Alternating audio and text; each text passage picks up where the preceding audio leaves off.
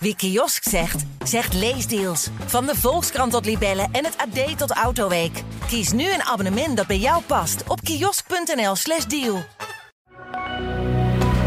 Goedendag, dit is het nieuwsoverzicht van de Stentor. Bij een steekincident gisteravond in Zutphen is één betrokkene overleden. Een ander is gewond geraakt en aangehouden. De politie heeft sterk het vermoeden dat het om een conflict gaat tussen beide personen. De omgeving van de Gerard Douwstraat waar het incident plaatsvond is groots afgezet.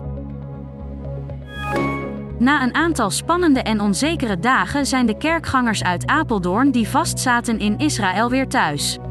Vannacht konden zij hun familie en vrienden in de armen sluiten, maar het bleef tot het laatste moment spannend. Voor de vlucht hebben we nog een klein tijdje in de schuilkelder gezeten vanwege raketaanvallen, zegt Gerjan Nijland, een van de reizigers. Als ze niet binnen een maand beloven te vertrekken, sleept de gemeente Apeldoorn bewoners van camping De Marshoeve in Loenen voor de rechter. De gemeente is sinds april eigenaar van de camping en wil die ontruimen om er woningen te kunnen bouwen.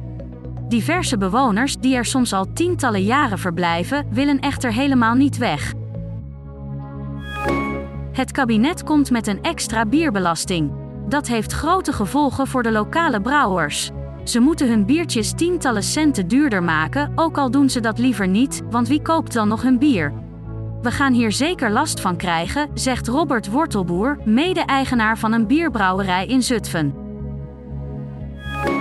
Bij een frontale aanrijding tussen twee voertuigen op de N795 zijn twee gewonden gevallen. De slachtoffers zijn een 59-jarige man uit Epe en een 24-jarige man uit Nunspeet.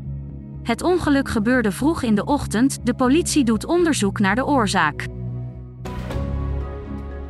Tot zover het nieuwsoverzicht van de Stentor. Wil je meer weten? Ga dan naar de Stentor.nl. Wie kiosk zegt, zegt leesdeals. Van de Volkskrant tot Libellen en het AD tot Autoweek. Kies nu een abonnement dat bij jou past op kiosk.nl/slash deal.